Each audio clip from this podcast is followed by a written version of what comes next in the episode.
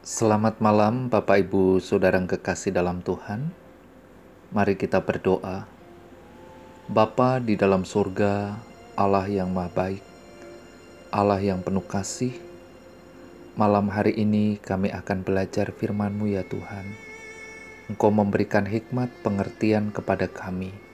Di dalam nama Tuhan Yesus kami berdoa. Amin.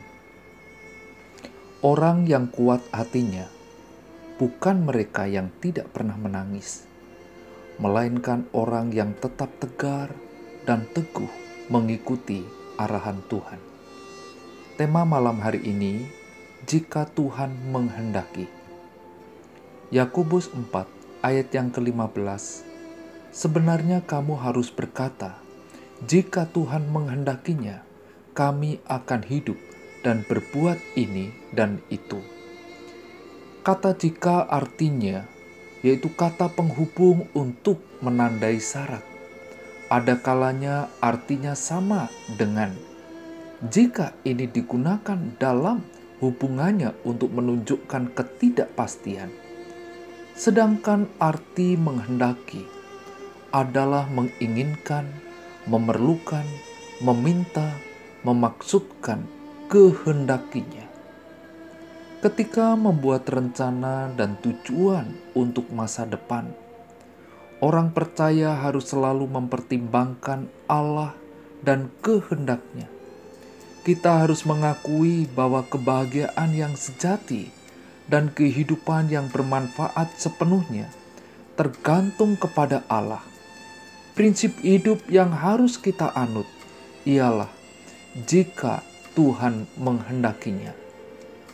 Alkitab mengajar tentang kehendak Allah, mengungkapkan lebih dari doktrin saja. Ajaran itu kita jumpai dalam kehidupan sehari-hari. Kita, sebagai orang percaya, kita mengalaminya. Kita harus mengetahui apakah kehendak Allah itu, yaitu kehendaknya yang sempurna sebagaimana dinyatakan dalam Alkitab bagaimana Allah menginginkan kita hidup sebagai orang percaya. Kita harus menjadikan diri kita melakukan kehendaknya. Tuhan memanggil kita untuk berdoa supaya kehendak Allah terjadi. Kita harus menginginkan kehendak Allah yang sempurna serta bermaksud menggenapinya dalam kehidupan kita dan kehidupan keluarga kita kita diajar untuk senantiasa menjaga perasaan bergantung pada kehendak Allah untuk kehidupan dan untuk semua hal yang kita lakukan. Jika Tuhan menghendakinya, kamu akan hidup dan berbuat ini dan itu. Setelah Yakobus menegur mereka atas apa yang salah, sekarang mengarahkan mereka bagaimana menjadi dan berbuat lebih baik. Kita ingat bahwa waktu kita tidak berada di tangan kita sendiri, tetapi bergantung pada Allah. Kita hidup di bawah kendali dan kontrol Tuhan, dan dalam keadaan-keadaan yang ditetapkan Allah.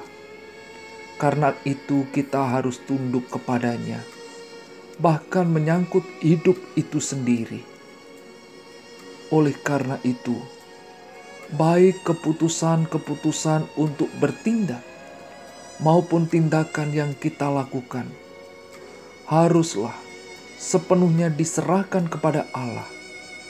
Semua yang kita rencanakan dan kita lakukan haruslah dibuat dengan ketergantungan dan keberserahan kepada Allah. Bagaimana dengan kehidupan saudara? Mari kita berdoa. Bapa di dalam surga, Allah yang maha besar, Allah yang maha baik, kami bersyukur kepadamu ya Tuhan. Malam hari ini Engkau menyapa kami melalui firman-Mu. Jika Tuhan menghendaki, berikan hati yang terus mengikuti arahan sesuai dengan kehendak Tuhan. Kami berdoa untuk setiap pribadi yang malam hari ini mendengar kebenaran firman-Mu. Tuhan, Engkau terus menguatkan. Sebentar lagi kami akan beristirahat.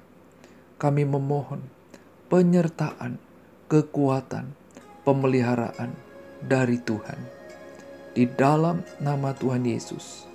Amin.